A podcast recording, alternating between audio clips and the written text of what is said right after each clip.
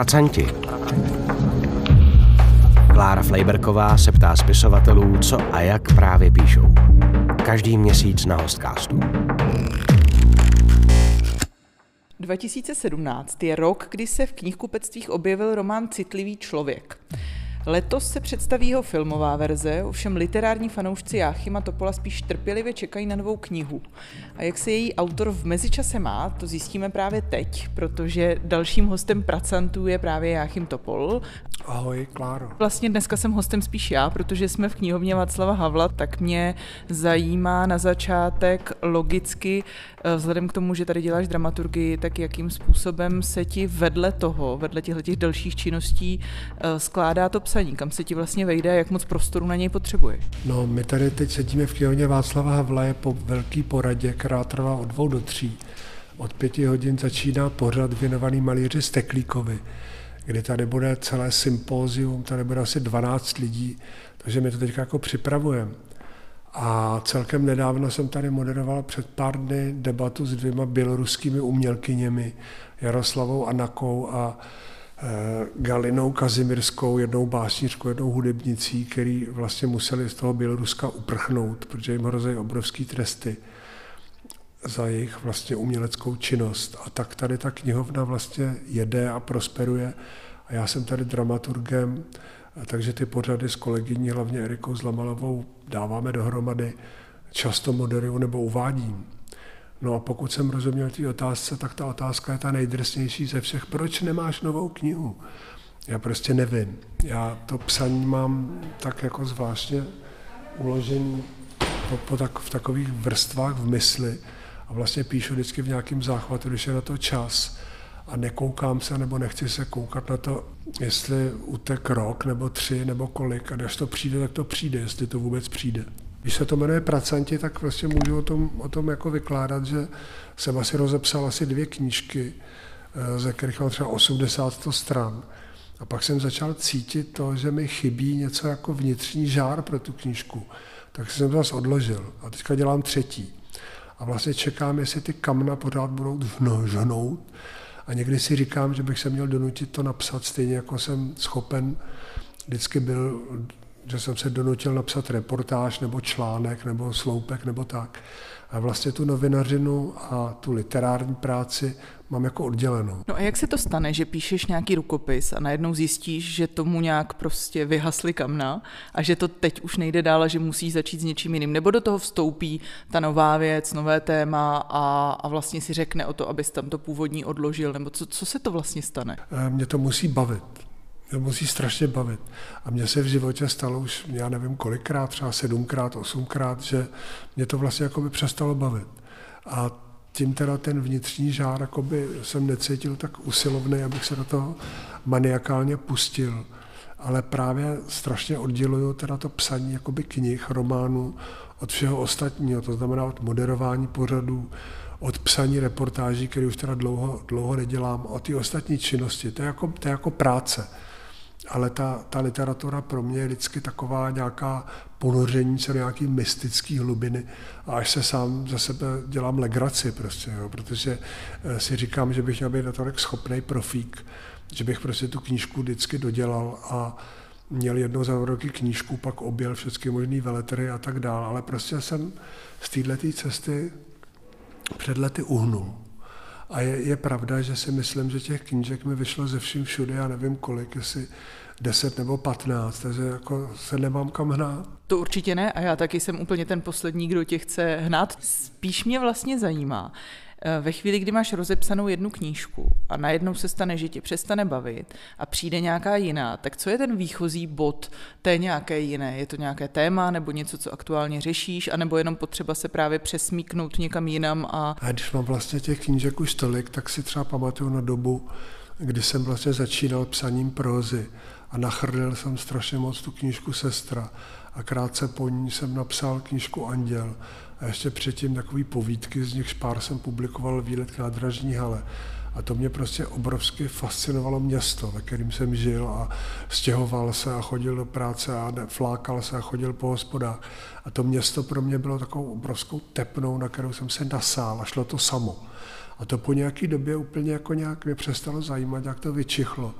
A já jsem se vlastně ponořil do venkova, taky mám vlastně venkovský kořeny. A pak teda následovala třeba noční práce, ta poslední knížka Citlivý člověk taky se celý odehrává na venkově. A já jsem prostě na tom venkově cítil fascinaci. Stejně jako předtím jsem tu fascinaci podivnou eh, cítil ve městě. A je třeba ale pravda, já nevím, nakolik je to zase výmluva, že jsem něco nedokázal dodělat. Ale prostě poslední dobou mě do hlavy strašně vlezla a hrozně mě rozrušuje ta válka. Jo, ta, ta válka, eh, ta pustošivá, krutá ruská válka na Ukrajině. A nemůžu se na to vymlouvat, ale prostě jsem se stal člověkem, který je přisátej na zprávy a který vlastně je pořád v tom aktuálním dění.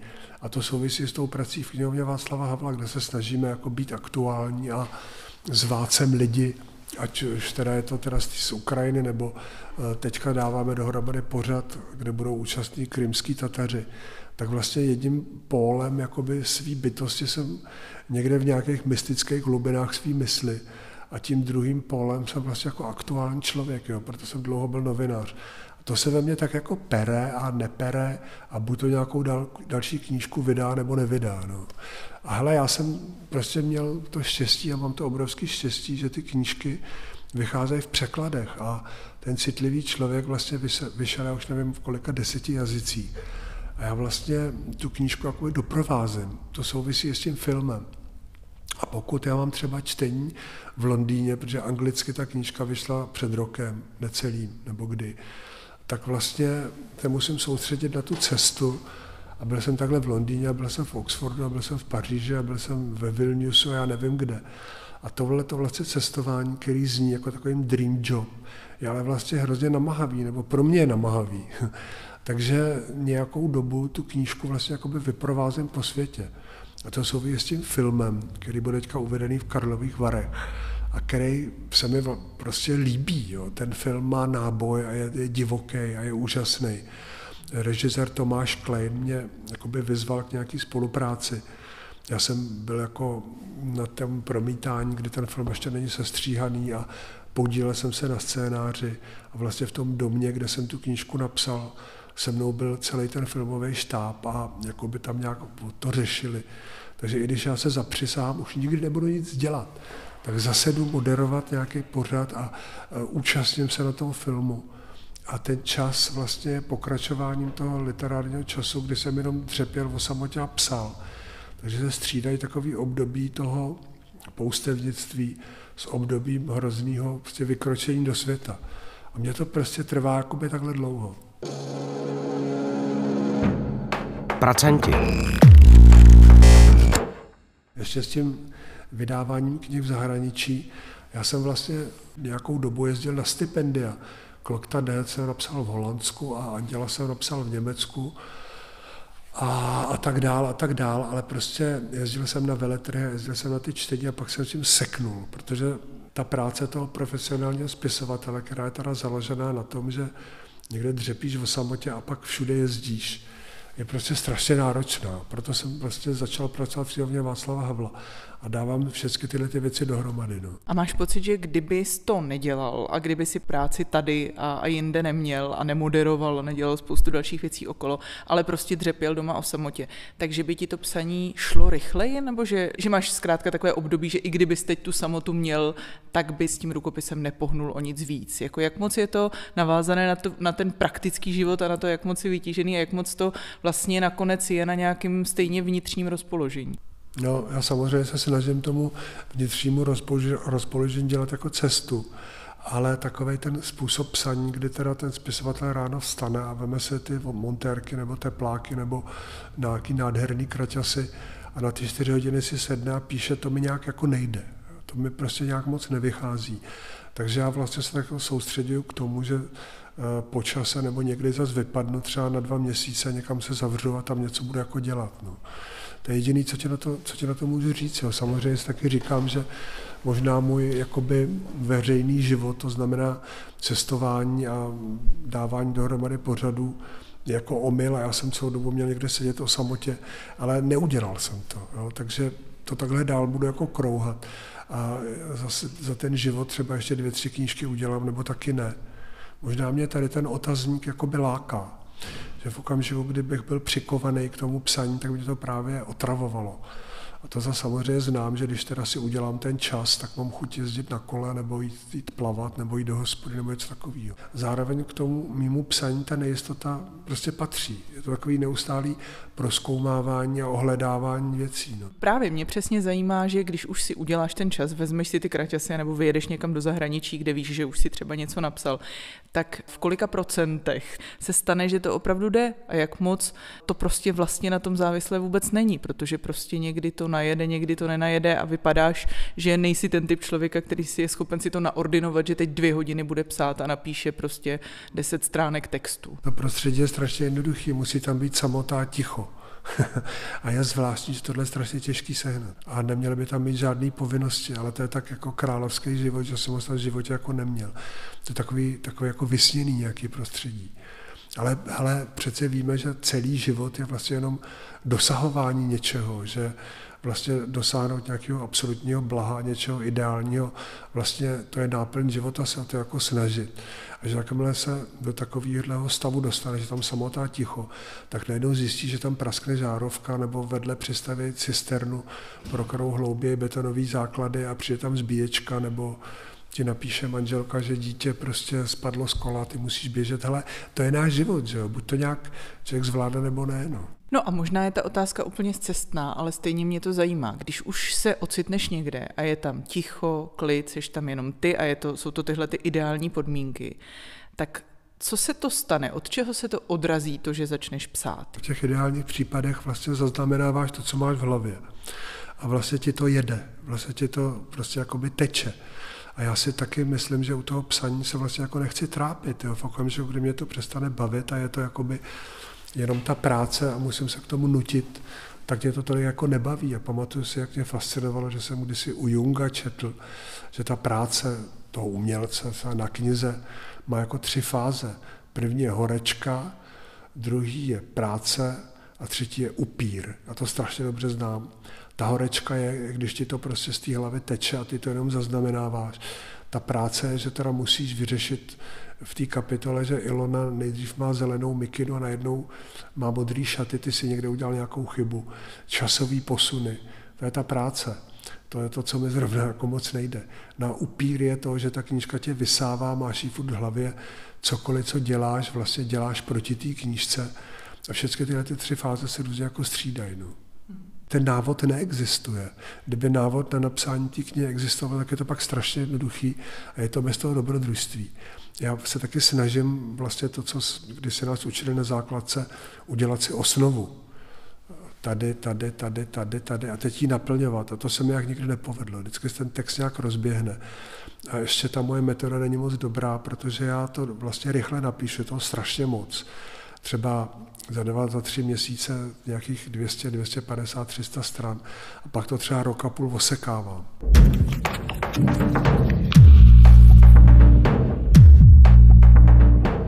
Já teda si, ne, si to neodpustím. Já patřím k té generaci, která vlastně vyrůstala bez technologií. Že? Já když si vzpomenu, že jsem první knížky psal a neexistoval mobil a neexistoval Facebook, to bylo prostě nádherný. A tak já někdy si říkám, jestli to psaní knih a nakonec i čtení knih se opravdu neposouvá do nějaké archaické činnosti. Mám už někdy ten pocit. Samozřejmě to souvisí i s tím, že si myslím, že dneska je neliterární doba. Aspoň moje starší dcera Marie, když si řekla větu, kterou jsem si snažil zapamatovat, že literatura dneska není platforma pro tu nejmladší generaci, například. Že jo. Asi už není pro žádnou generaci. A že možná vlastně to, co jakoby ještě v těch devadesátkách, který, kdy jsem vydával první knížky, bylo opravdu něco jako jasného a daného a in a já nevím co, napsat knihu a vydat jí, tak dneska se neposouvá do něčeho opravdu moc až tak exkluzivního. A tohle to možná říká jako každý mý generace, že si pamatuje dobu, když jsem přijel ze školy, praštil stažko, tři hodiny jsem si čet, dneska během těch tří hodin kolikrát se kouknu na mobil, že kolikrát mi přilítne WhatsAppka. A vlastně tohle jsou věci, kdy eh, ten spisovatel, který píše, se musí jich zbavit. A vlastně jako by se posouval do nějakého umělého světa, který už přirozeně neexistuje.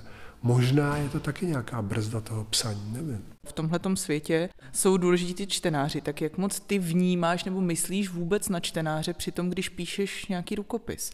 Jak moc myslíš na to, kdo to vlastně bude číst a jak? No je pravda, že v tomhle, to jsem, v tomhle jsem byl vždycky egoista, že to musí odpovídat mně a já tomu musím jakoby rozumět. A že nikdy si nedokážu představit nějakého ideálního čtenáře, nebo můžu to zkusit, je, je sečtělej a má smysl pro černý humor. Že jo? A to je pravda, ale jako to jsem zase já, že jo. Mm, jako není to tak, že bych vlastně jako psal pro nějakou cílovou skupinu, nebo to, že ty knížky vycházejí v tolika překladech, je pro mě dodnes jako zázrak úplně. Asi to odpovídá i tomu, že vlastně za každou cenu netoužíš potom, aby ta knížka vyšla. Tohle je asi ošitný, jo. to jsem určitě tvrdil o těch prvních knihách. Zároveň je to taky takový polštář pro to, když se člověk potká s nepochopením nebo s odmítnutím. Jo. Jako samozřejmě si to jako cením. Teď jsem měl čtení v Českých Budějovicích, tam přišlo asi 100 lidí a bylo to úplně bezvadný. A jako když prostě najednou vidím lidi, kteří dřív byli lidi o generaci starší nebo o dvě, kteří říkali dobrý, dobrý. Teď jsou ty lidi o generaci mladší nebo o dvě generace mladší a říkají jako dobrý, to jsem přečet, tak z toho mám opravdu divuplnou radost. Jo. Ale není v té radosti jako podbízení se. Není v tom taková ta profesionalita nějaká. Jo. To prostě mi nebylo dáno, to neumím. Takže pořád to budu takhle jako zkoumat ten prostor na tu knížku, když napíšu, tak ji vrhnu do nějakého prostoru nejistoty. No a jinak to asi nebude. Ty jsi mluvil o tématu války. Já jsem shodou okolností četla několik ukázek, že vlastně s odstupem asi dvou let z tvých rukopisů. A ta první část se hodně týkala covidové doby, ta druhá se zase teda už týká těchto těch událostí. Máš pocit, že možná i to, že se v poslední době dějou tyhle ty zásadní věci, které prostě chtě nechtě člověk o nich nějak musí přemýšlet, takže tě to možná tak jako odklání od jednoho tématu k druhému, protože jsou prostě takhle zasázené jedno za druhým, nebo jak se na to vlastně díváš, na to, co se teď kolem tebe děje a na tu potřebu to nějak reflektovat? A na to ti teda řeknu, že jsi to řekla za mě, jo, že já si myslím, že vlastně ta covidová doba a ta válka mě jako vykolejily. Prostě skvělý, že jsi to řekla. Ta první knížka byla hodně o covidu, ta druhá hodně o válce a já se teďka snažím napsat třetí, která bude o covidu a o válce. Ale nechtěl jsem to říct, protože to je skutečně jako závažný úkol. Jo. A taky to i souvisí s tím, že jak tady jsme v té knihovně Václava Havla, tady bylo i spousta pořadů o souputnících Václava Havla, o dizidentech a chodili sem hodně mladí lidi a třeba i prostřednictvím těch svých dcer jsem slyšel kdysi takovou větu. My, mladá generace, my máme největší problém, že nemáme žádný problém. Ale to bylo před pár lety. To bylo před covidem a to bylo před válkou. A pokud teda ty mi dáváš rozřešení, žádnou novou knihu nemám zatím, ale že mám naději, že se mi jednou povede ta, ve který bude částečně covid a částečně válka, tak tím si vlastně vysvětlím, proč jsem roky žádnou nevydal. Snad ne, ale možná ještě přijde nějaké podobně závažné téma, nemůžeš to nikdy vědět. Takže možná, že bude ještě o něčem dalším ve finále. A už budou úplně vyřízený, když si přijde další třetí téma.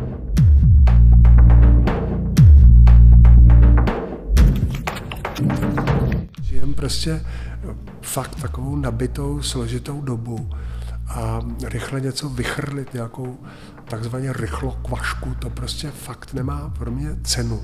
A souvisí to i s tím trošku, jak jsem mluvil o tom, že si myslím, že ta literatura už je trošku něco archaického. Je to technologie a tak a je to taky tím, že ty technologie nám dávají nepřetržitý spravodajství. Tady už se nebude čekat, jak po válce někdo napíše knihu, kterou napsal po první světové válce Remark, nebo nebude se čekat dlouhý roky na to, že někdo napíše knížku jako ruský spisovatel Vasilij Grossman Život a osud od po druhé světové válce. Nebude se čekat na autorku nebo autora, který to za pár let všechno schrne, jako když Tolstoj napsal o vojně a míru. Protože my jsme vystavení nepřetržitýmu, každodennímu, každominutovému spravodajství. A my už nepotřebujeme tyhle autory, který nám jako ukazují svět. Mě to zajímá i úplně technicky. Zajímá mě to, že ve chvíli, kdy máš dva nějaké rukopisy, které se teda v tom třetím teoreticky můžou potkat, tak čistě technicky máš dvě složky Wordovské, kde máš nějaké texty, se kterými teď pracuješ a nějaké přelíváš dohromady, kopíruješ jeden odstavec vedle druhého, nebo to vlastně píšeš celé znova? Úplně znova. Já prostě ty dvě minulé knížky mám někde zahrabaný, doufám, že jsem je nestratil. A teďka se snažím psát jako třetí a úplně znova. Jestli to něco použiju, to jako nevím. Trochu o tom uvažuju, ale zase říkám, nevím, prostě nevím. ale teda odpovědám ti, že je to úplně vždycky nová voda. Ale není to vlastně u mě nic, nic nového. Já jsem vždycky měl několik jako rozdělaných knih. No a když máš rozdělanou knihu a máš ten jeden soubor, tak jak moc ta věc zůstává víceméně tak, jak jsi ji napsal a jak moc se k tomu potom ještě vracíš, když máš už celou tu materii pohromadě, jak moc se mění pořadí toho, kde co je ve finále a jak vlastně s tím nakládáš? Já myslím, že se to pořád mění, že se to nepřetržitě mění. Nechci udělat takovou tu chybu, že tu knížku vydám, až budu úplně vyčerpaný a unavený. A vždycky musím čekat na jako nový náraz energie. No, takže vždycky znova a znova a znova a znova. A jak často se ti stane, že se k tomu textu napsanému vrátíš a zjistíš, že je to úplně špatně? No tak to se mi stává každý den. Musím se z toho probrat a projít a pokusit se znova tam něco vyhrabat, jo? ale kdysi klasik Jan Zábrana, tuším v nějakém dopise, snad Antonínu Přidalovi napsal od skici k dílu se jde po kolenou. A to si takhle jako někdy přeříkávám. Jak často se ti stane, že třeba tak jako jdeš světem a uděláš si nějakou poznámku nebo, nebo něco? Já ti můžu ukázat mobil a už teda dávno si nepíšu poznámky do zápisníčků, ale poznámky do mobilu a to teda hodně často, no, jako útržky dialogů a, a nápady a pak zjistím, že těch poznámek mám už prostě 153, tak jako mažu a vybírám a to je prostě nepřetržitý v tramvaji třeba nebo tak. Tyhle ty věci se z většiny dostanou do toho románu, nebo jsou to třeba věci, které potom fungují jako taková nějaká inspirace k něčemu jinému? Často si jenom napíšu, že mě zaujala a pak úplně se na ní vykašlu a napíšu nějakou další. Ale to je takový jako nepřetržitý proces. Já nedokážu říct, který procento těch poznámek mi opravdu pomáhá, ale někdy mi ty poznámky strašně pomáhají v tom, že ten nápad je v té poznámce a nezaplevelím jima jakoby to, to základní tělo té knihy. Nemusím to pak škrtat z toho hotového, mám to v těch poznámkách. A někdy ty poznámky slouží k tomu, že si z hlavy odplavíš takový ten plevel prostě. No. Teď momentálně se nacházíš v situaci psaní, která vypadá jak? Já se neptám vůbec, v jaké fázi je kniha to je úplně tvoje věc, ale zajímá mě, v jaké fázi jsi ty jako autor, jestli teď třeba píšeš denně, anebo píšeš prostě nárazově. Jak ten tvůj rytmus spisovatelský vlastně teď vypadá? Ideální spisovatelský rytmus eh, je přizpůsobený práci v knihovně Václava Havla. A je pravda, že já mám vlastně štěstí, že ty pořady tady, které moderuju nebo dávám dohromady, jsou večer. Takže já jako v ideálním případě, pokud není porada nebo nějaká pracovní schůzka, tak ty dopoledne bych mohl věnovat tomu psaní. Ale samozřejmě ten mozek se musí naučit jako pracovat s mailem, pracovat s WhatsApp a tady s tím letím vším. Ale teoreticky bych mohl tři až čtyři dopoledne několik hodin tomu věnovat. To je ideál. A pak teda najít takový čas, že na měsíc, na dva někam vypadnu. Tak takhle by to jako šlo. Pracanti. Existuje v té nové knize, v tom rukopisu už nějaký hlavní hrdina, nebo je tam vůbec někdo jako hlavní hrdina? To já zatím nechám, protože já to pak změním. A tobě, ty už si četla ty moje ukázky vlastně z té knihy, která buď se do té nové přelije, nebo bude nějaká úplně jiná, nebo bude, bude opuštěná. A pro mě, Kláro, už jsi takový závazný člověk, že já už ti tohle prostě neprozradím.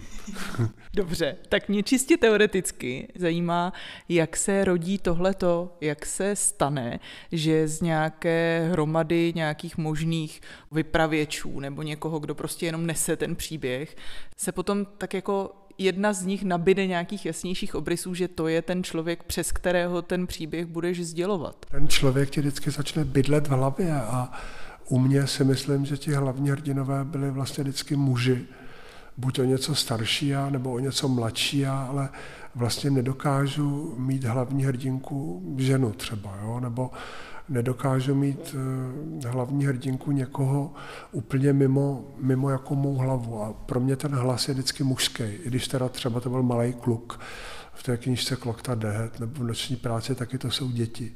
Takže skutečně jakoby těžím za sebe. To, to mi přijde prostě jako důležitý. Jinak samozřejmě si myslím, že ten spisovatel spisovatelka by měly být schopný zaznamenat hlas 14-letého dítěte a 80-letého starce a 16-letý holky nějak důvěryhodně. A pro mě to zatím vždycky je prostě nějaký chlap. No. Mluvíš o hlasu, což mi přijde zajímavé, tak mě zajímá, do jaké míry máš i obraz, do jaké míry víš, jak tvoji hrdinové vlastně vypadají, nebo jak vypadá prostředí, ve kterém se pohybují, když to není zrovna reálné prostředí. Jak... Jako narážíme na ten film Citlivý člověk a pro mě je prostě obrovská legrace, že já ty svoje hrdiny v hlavě mám celkem jako dobře usazené. A pak najednou vidím, jak na pódiu tu hrdinku hraje skvělá herečka Diková nebo skvělý herec Lábus a najednou mám takový výbuchy smíchu v sobě a, a radosti a najednou cítím, že ty postavy, které já jsem si vytvořil v hlavě, který mají různý, jeden šilhá, druhý má tyk, ne teda Diková, tak najednou se úplně změní. A tohle to se mi stalo v životě už jako třikrát nebo čtyřikrát, že ta knížka ožila ve filmu. A já mám pocit, že teprve tehdy se vlastně ty knížky jako zbavuju. Jako beru to jako, že mi pomohly ty lidi, že jsem, že mě toho zbavili. A já můžu už jako si vymýšlet postavy, postavy do další knížky. A tohle jsem ten šťastný autor, že to zažil u knížky Sestra, u knížky Anděl a u jedné povídky Praha očima. Teďka to zažívám u toho citlivého člověka, že já to jakoby odevzdám. Už to jako vlastně schodím břemeno, zbavím se prostě pytle s pískem a vzducholoď tam dál vzlítne. No. E, mám pocit, že opravdu zapisuju film, který se ve mně jako děje. I když ty knížky rozhodně nejsou filmové. Ty knížky režisér vždycky musí z toho vyndat nějakou kostru a nějak to poskládat po svým. Ale jako je pravda, že hrozně moc si v hlavě i představuju, jak ten hrdina je oblečený, že to tam třeba není napsaný, že jsou to takový děje, děje jakoby v mý hlavě. No. Taky, taky jména prostě mě vždycky napadají a najednou cítím, že ty jména jsou prostě absolutní, jako, že to tak jako musí být, i když v Čechách je to taková zvláštní věc, že strašně moc autorů, autorek používá jména třeba jako německý, jo, protože eh, skoro každý známe někoho, kdo se jmenuje Dvořák a každý známe někoho, kdo se jmenuje Pospíšilová a, a Novák a tak dál a většinou se to personifikuje. Většinou nemáme takový obrovský výběr jako francouzi nebo američani, takže tohle jsem tak odbočil do takové specialitky, že výběr jména v Čechách je vždycky zvláštní věc a těžký proces a často hrdinové se jmenují nějaký ala Němec nebo židovský kořeny má to jméno. A děláš to racionálně nebo i to jméno ti naběhne? Většinou mi to naběhne a pak si to racionálně nějak zdůvodňuji, což je většinou nesmysl a lež. Takže já se nebudu ptát teď, kdo je hlavní hrdina ani jak se jmenuje, ale zajímalo by mě na závěr, jestli už teď víš a jestli nám to můžeš říct. Jak tak zhruba vypadá hlavní hrdina toho aktuálního rukopisu, s tím, že se samozřejmě může a pravděpodobně bude ještě měnit. Vypadá bezvadně, jako v práci mi říkají švéd, protože má takový bezvadný boty, který se hodí třeba do televize. Je takový jako statný postavy, je modrovokej a, a světlovlasej. A ženy ho strašně milují tak eh, my uvidíme, jestli se s ním někdy potkáme a v jaké podobě. Díky. Já děkuji taky a děkuji, že jsi byl hostem dalších pracantů. To byl Jáchym Topol. Hostcast Pracanti. Poslouchejte na Spotify a dalších platformách.